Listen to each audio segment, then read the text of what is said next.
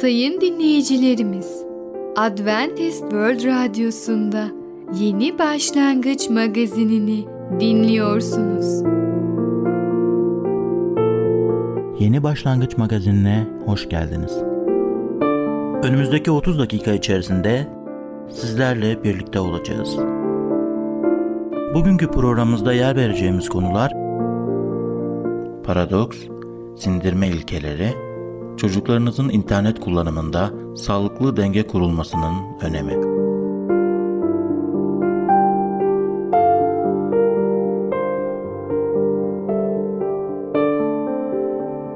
Adventist World Radyosu'nu dinliyorsunuz. Sizi seven ve düşünen radyo kanalı. Sayın dinleyicilerimiz, bizlere ulaşmak isterseniz e-mail adresimiz radio.umutv.org radio.umutv.org Bizlere WhatsApp yoluyla da ulaşabilirsiniz. WhatsApp numaramız 00961 357 997 867 06 00961 357 997 867 06 Şimdiki konumuz paradoks. Hayatımızdaki en büyük paradoks nedir? Merhaba değerli dinleyicimiz. Bereket Dağı'ndan Düşünceler adlı programa hoş geldiniz. Ben Tamer ve Ketrin. Bugün sizlerle birlikte olacağız. Bugünkü konumuz paradoks. Daha önce Efendimiz İsa Mesih'in sözlerini hep birlikte okumuştuk ve o bize sıkıntılar, acılar, zulümler olacağını söylemişti. Hatta o tarz şeyler olunca ne diyordu? O gün sevinin, coşkuyla zıplayın çünkü göklerdeki ödülünüz büyüktür. Daha önce sıralanan mutluluklar arasında sevinmenin zıt anlamı olan yas tutmak, üzülmek, kederlenmek duygusunu İsa Mesih söylemişti. Mesih imanlısı yas tutarsa, kederlenirse onun için ne mutlu deniyor. Bu size bir paradoks gibi gelmiyor mu? Aslında bakın size bir olay anlatacağım, yaşanmış olay. Rivayete göre bir kral 5. asırda vaftiz olmaya karar veriyor. Ve onu vaftiz edecek olan kişi geliyor ve orada vaftiz havuzunda kralı vaftiz etmek için bütün organizasyon yapılmış. Kral da zaten gereken elbiselerle giyinmiş. Vaftiz için her şey en iyi şekilde ön hazırlık olarak yapılmış. Vaftiz edilmeye başlanıyor. Kral vaftiz havuzuna sokuluyor. Su tamamen onu kaplıyor. Ondan sonra çıkarılıyor ve çıktıktan sonra bu vaftiz eden kişi yaşlı olduğu için bir değneği varmış. Değneğin de ucu sivriymiş. Kendisi de istemeden o değnekle vaftiz olan kralın ayağının üstüne biraz saplamış. Kendisi düşmemek için o değnekle zaten destek alıyormuş. O sivri ucu biraz acıtmış, biraz da delmiş derisini oradan kan başlamış çıkmaya. Kral hiçbir şey söylememiş. Hiçbir söz hissettiği acıya karşı hiçbir tepki vermemiş. Sonradan bir bakmış ki vaftiz eden kişi aa kan var yerde. Aa bu kralın kanı. Onun ayağından ben yapmışım bunu. Görünce birdenbire telaşa kapanmış. Kralım lütfen beni affedin, beni bağışlayın demiş. Ben böyle bir şey asla size karşı yapmak istemedim. Neden siz daha önce beni uyarmadınız? Bakın bana acı veriyorsunuz, ayağımı deliyorsunuz vesaire diye sormuş krala. Kral da ona şöyle cevap vermiş. Ben zannettim ki Vaftisten sonra siz değerinizle benim ayağımı delmeniz gerekiyor, kanatmanız gerekiyor. Bu bir törenin parçası olduğunu zannettim. Ondan dolayı sessizlik içinde acımla karşı karşıya kaldım ve sessizlik içinde acımı yaşadım.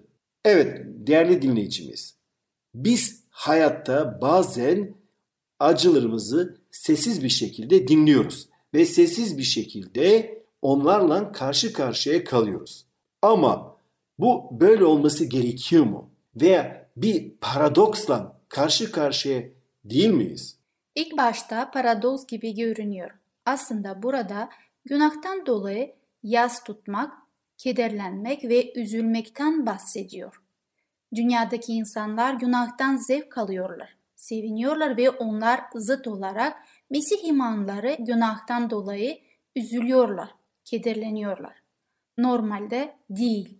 Normalde diğer insanların üzüldükleri zaman Mesih imanları seviniyorlar. Bizi red ettiklerinde, bizi kötülediklerini zaman ne yapıyoruz? Seviniyoruz.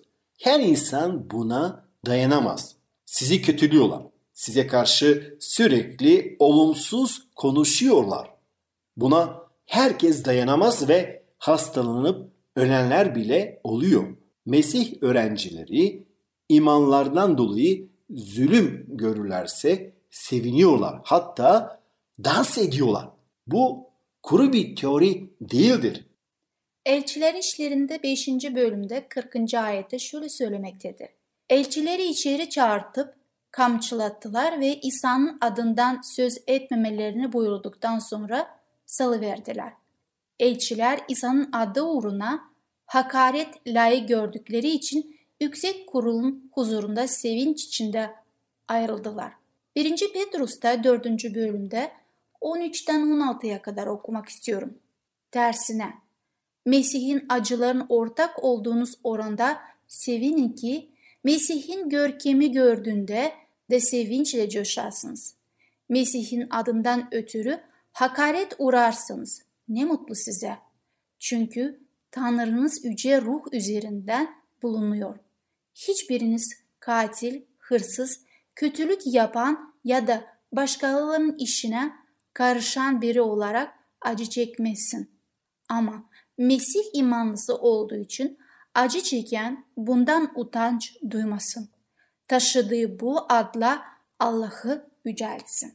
Evet Petrus bu sevinci, bu coşkuyu yaşamıştı ve hakkında yazıyor. Pavlus Kolosler 1.24'te ise uğrunuza sıkıntı çektiğime şimdi seviniyorum. Mesih'in kendi bedeni yani cemaati uğruna çektiklerinden sonra gelen sıkıntılarından payıma düşeni çekiyorum diyor. Peki bu sevinç kaynağı nereden geliyor? İsa Mesih mutluluk vaadinde söylüyor 12. ayette. Sevinin, sevinçle coşun. Çünkü göklerdeki ödülünüz büyüktür. Sizden önce yaşayan peygamberlere de böyle zulmettiler. İnsan gözüyle paradoks gibi gelmiş olsa bile bu bir gerçektir. Ve bu gerçekte de Allah bizi kendisi ödüllendirecektir. Bugün kararı almakta ben kendim verebilirim. Kimin için bu dünyada zorluk çekeceğim? Demek ki biz de aynı burada kelamdan gördüğümüz gibi bu tarz zulüme karşı vereceğimiz tepki sevinç olacağız. Sevineceğiz. Sevineceğiz çünkü acı, sıkıntı, problem var. Demek ki ben daha iyi olmak için Allah'ın yardımıyla kendimi geliştiriyorum. Karakterim büyüyor ve ben bir adım daha öne çıkmış oluyorum. Bir adım daha Allah'ın vaat edilen diyarına ve memleketine yaklaşmış oluyorum. Bu bir paradoks gibi görünebilir ilk bakışta ama bunun arkasında bir mutluluk görüyoruz, bir bereket görüyoruz ve bu bereket bizim daha iyi olmamızı sağlıyor. Değerli dinleyicimiz, bugün paradoks hakkında konuştuk. Bir sonraki programda tekrar görüşmek dileğiyle, hoşçakalın. Programımızda az önce dinlediğimiz konu paradoks. Adventist World Radyosu'nu dinliyorsunuz. Sizi seven ve düşünen radyo kanalı. Sayın dinleyicilerimiz, bizlere ulaşmak isterseniz e-mail adresimiz radio.umutv.org radio.umutv.org Bizlere WhatsApp yoluyla da ulaşabilirsiniz. WhatsApp numaramız 00961 357 997 867 06 00961 357 997 867 06 Şimdiki konumuz sindirme ilkeleri. Sindirme ilkeleri nelerdir? Merhaba sayın dinleyicimiz. Ben Fidan. Yeni başlangıç programımıza hoş geldiniz. Bugün sizinle birlikte sindirme ilkeleri adlı konuyu öğreneceğiz. Öyleyse başlayalım. Sindirme ilkeleri Aynı tür ve aynı kaloriye sahip yiyecekler yediğimiz halde bazılarımızın şişmanlayıp bazılarımızın ise kilo almaması doğal olarak ilgimizi çekiyor. Bazılarımız kilolarca tatlı yediği halde zayıf kalırken bazılarımız ise bir parça çikolata yese kilo alıyor. Akşam yemeği anne için son derece besleyici olabilirken kızına hiç etki etmeyebilir ve babanın sağlığına tamamen zararlı olabilir. Aynı kalori içeriğine sahip yiyecekleri tükettiğimiz halde farklı sonuçlar alırız. Çünkü her birimiz eşsiz yaratıklarız. Pek çok beslenme sorununu çözecek sistem insanların kendilerine uygun biçimlerde ve farklı beslenmesine dayalıdır. Bu sistem doğada olup bitenlerle paralellik kurar. Kaplanlar etle, tavşanlar havuçla beslenir. Hatta farklı hayvanlarda besinlerin sindirim kanallarına girme biçimi de birbirinden farklıdır. Piton yılanı tavşanı kürküyle birlikte tek parça halinde yutar. Aksi halde tamamen sindiremez. İnsanlar da bireysel özelliklerine göre belli tiplere ayrılırlar. Her grup için belli bir yiyecek grubu daha kolaylıkla özümsenebilir ve daha yararlıdır. Doğada kendi kendini sindirme diye bir kural var. Bitkisel veya hayvansal bütün gıdalar yüzde elli oranında yenin sindirim sıvılarında bulunan enzimlerin değil, kendi bünyelerinde bulunan enzimlerin sayesinde sindirilirler. Yeğenin sindirim sıvıları yalnızca kendi kendini sindirme mekanizmalarını harekete geçirir. Her doğal ürün bir kod veya parola şeklinde biyolojik bilgiler içerir. Eğer sindirim sistemimizin bu kodu okuma yeteneği varsa bu yiyeceği çok fazla enerji sarf etmeksizin sindirebiliriz. Bu konuyu anlamak için Rubik küpüyle paralellik kurabiliriz. Eğer kodu bilirsek Rubik küpünü birkaç saniyede çözebiliriz. Kodu bilmeden çözme çabası uzun sürer ve zahmetlidir. Bedenimizdeki sindirim sistemi de benzer şekilde işler. Farklı türdeki insanlar farklı türde gıdalara ihtiyaç duyarlar. Eğer bedenimizi kendimize uygun olmayan tipteki gıdalarla beslemeye çalışırsak zayıf düşer ve hastalanırız. Yiyecekleri özümseme yeteneğine göre antik dönemlerde insanlar üç gruba ayrılmıştır. X yani rüzgar, Y safra ve Z mukoza grubu. X grubunun fiziksel özellikleri ince kemikli, zayıf, kısa veya orta boylu, hasta görünüşlüdür. Doğaları gereği daima soğuk ve utangaçtırlar. İnce yapılı, soğuk ve kuru elleri vardır. Hızlı hareket ederler. Hafif ve yumuşak bir yürüyüşleri vardır. Fizyolojik özellikleri rejim yapmadıkları halde kiloları sabittir. Sık sık sindirim sorunları yaşarlar.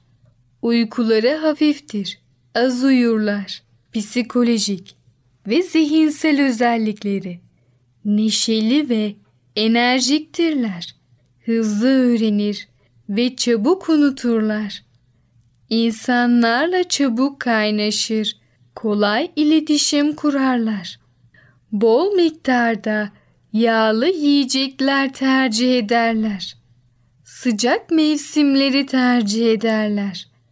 Soğuğa dayanıksızdırlar. Kışın derileri kurur. Cilt kuruluğu, kabızlık, eklem ve kemik ağrıları gibi sağlık sorunları yaşarlar. En uygun yiyecekler, tahıllar yani pirinç, buğday, arpa, mısır, kara buğday, şekerler, bal, rafine edilmemiş şeker, reçeller, bitkisel yağlar, bütün çeşitleri, meyveler, karpuz, kavun, diğer tatlı meyveler, sebzeler, çiğ olarak kırmızı pancar, havuç, kuşkonmaz, patates, salatalık ve soğan. Evet sayın dinleyicimiz, sindirme ilkeleri adlı konumuzu dinlediniz. Artık siz de sindirimin nelerini etkilediğini ve X tipi insanları tanıyorsunuz.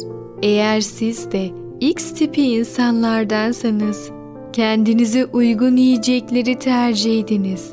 Bir sonraki programımızda tekrar görüşene kadar kendinize çok iyi bakın ve sağlıcakla kalın. Programımızda az önce dinlediğimiz konu sindirme ilkeleri. Adventist World Radyosu'nu dinliyorsunuz. Sizi seven ve düşünen radyo kanalı. Sayın dinleyicilerimiz, bizlere ulaşmak isterseniz e-mail adresimiz radio.umutv.org radio.umutv.org Bizlere WhatsApp yoluyla da ulaşabilirsiniz. WhatsApp numaramız 00961 357 997 867 06 00961 357 997 867 06 Şimdiki konumuz çocuklarınızın internet kullanımında sağlıklı denge kurulmasının yolları. Saplantılı bilgisayar ve internet kullanımı neye yol açar? Merhaba sevgili dinleyicilerimiz. Çocuk Eğitim adlı programımıza hoş geldiniz. Ben Müberra. Bugün sizlere çocuklarınızın internet kullanımı ile diğer etkinlikler arasında sağlıklı bir denge kurmasına yardımcı olmanın bazı yollarından bahsedeceğim. Sevgili dinleyicilerimiz, internet bağımlılığı hem çocuklarda hem gençlerde hem de yetişkinlerde bağımlılık maalesef oluşmaktadır. İnternet bağımlılığından kurtulmak isteyenlere günlük internet kullanım saatlerini değiştirmek, örneğin bir mutfak saati yardımıyla bilgisayarı kapatmasını hatırlatmak, haftalık internet kullanımı hedefi, çizelgeleri yapıp bunları kaydetmek, internet orucuna girmek, küçük hafıza kartlarına internetin faydaları ve zararlarını yazmak, bu deftere de olabilir, destek grupları ya da aile terapisi gibi yöntemleri önerebiliriz. Evet sevgili dinleyicilerimiz, çocuklarımızda internet bağımlılığı belirtilerini arayın. Çocuğunuzun internet kullanımının okuldaki performansını, sağlığını, ailesiyle ve arkadaşlarıyla ilişkilerini etkileyip etkilemediğini kendinize sorun. Çocuklarınızın çevrim içi ortamda ne kadar zaman geçirdiğini belirleyin ve yardım alın. Çocuğunuz bilgisayar ve internet bağımlılığı belirtileri gösteriyorsa profesyonel bir danışmana başvurun. Saplantılı bilgisayar ve internet kullanımı depresyon, öfke ve özgüven eksikliği gibi başka sorunların belirtisi olabilir. Kendi internet kullanımınız diğer etkinliklerinizle dengeli mi? Unutmayın, çocuğunuzun örnek alacağı ilk kişi sizsiniz. Çocuğunuza internet kullanımını yasaklamayın. Çoğu çocuğun sosyal hayatının önemli bir parçasıdır. Bunun yerine çocuklarınızın çevrim içi olarak ziyaret edebileceği sitelere ve neler yapabileceklerine yönelik internet kullanımıyla ilgili aile kuralları belirleyin. Bu kurallar şunları içerebilir. Her gün belirli bir süre çevrim içi olma, ödevleri bitirinceye kadar internette gezinememe veya anlık iletileri kullanamama, sohbet odalarına veya çevrim içi yetişkin sitelerine girememe gibi yöntemleri kullanabilirsiniz. Evet sevgili anne babalar, bilgisayarı açık tutun. Bilgisayarı çocuğunuzun odasına değil, evin ortak kullanım alanlarından birine kurun ve çocuklarınıza alternatifler sunun. Çocuğunuz yalnızca çevrim içi video oyunlarıyla ilgileniyorsa, en sevdiği oyunla ilişkili çevrim dışı bir etkinlik önerin. Arkadaşlarına sosyal ortamlarda daha fazla zaman ayırmaları sağlanmalıdır. Sosyal aktiviteler, sinema, tiyatro, müze, sportif faaliyetlere zaman ayırması için ortam hazırlamalısınız. Arkadaşları ile internet dışı yollarla iletişim kurması özendirilmelidir. Evet sevgili anneler babalar, gençlere daha fazla kaliteli zaman ayırın ve sorunları ile ilgilenin. Okul ve arkadaş çevreleri hakkında bilgi almak üzere gençle sohbet etmeli, hoşlandığı, ilgi duyduğu konular ile kaygı ve sorunlarını aile ile konuşması için teşvik edilmelidir. Gençlerden aile sorumluluklarını paylaşmaları istenmeli. Belirli görevleri yerine getirmeleri sağlanmalıdır. Evet sevgili dinleyicilerimiz, internet ve bilgisayar bağımlılığında bağımlı olunan nesneyi ortadan kaldırmak veya tümüyle yasaklamak mümkün değildir. Bu nedenle hedef bilgisayar kullanımını kontrol altına almak olmalıdır. Özellikle gençlerde büyük bir sorun olarak gözüken bu durum ebeveyn çocuk ilişkisini de olumsuz etkilemektedir. Hedefi kontrol altına almak olunca öncelikle iyi bir pazarlık yapılmalıdır. Ne kadar süre bilgisayar başında kalabilir genç? Bu durum tüm ayrıntılarıyla ortaya konmalıdır. Bununla ilgili sıkı bir pazarlık yapılmalıdır. Sevgili dinleyicilerimiz, pazarlık demek pazarlamak demektir. Bu nedenle fikrinizi empoze etmek yerine fikrinizi pazarlamaya çalışın. Yani o sizin fikrinizi satın alsın. Ortak bir noktada buluşun. Buluştuğunuz ortak nokta için yazılı bir sözleşme yapın. Gençlere güvenmeyin çünkü unuturlar. Ama gerçekten unuturlar. Bu nedenle anlaşma bir sözleşme haline getirilmelidir. Sözleşmede gencin bilgisayar başında kaldığı süre bu süreye uymazsa yaptırımların neler olduğu, uyarsa kazanımlarının neler olabileceği gibi ayrıntılar yer almalıdır. Sözleşme herkesin görebileceği bir yere konmalıdır. Dikkat edilmesi gereken nokta kuralların uygulanabilir olmasıdır. Bilgisayardaki tutkusuna göre kurallar konulmalıdır. Evet sevgili dinleyicilerimiz, internet bağımlılığı durumunda onu başka şeylerle kontrol etmek daha yararlı olur. Örneğin okul başarısında bilgisayar yasak demek yerine eğer notların düşerse bilgisayar kullanımını kısıtlayacağım demek çok daha iyi sonuçlar verebilmektedir. Okul başarısı iyi olursa zaten bilgisayar kullanımını kontrol altına almış demektir. Çocuklarımızın internet kullanımında sağlıklı denge kurmak önemlidir. Evet sevgili dinleyicilerimiz, bugünkü programımızın da sonuna geldik. Bir sonraki programda görüşmek dileğiyle. Esen kalın, hoşça kalın. Programımızda az önce dinlediğimiz konu, çocuklarınızın internet kullanımında Sağlıklı denge kurulmasının yolları. Adventist World Radyosu'nu dinliyorsunuz. Sizi seven ve düşünen radyo kanalı.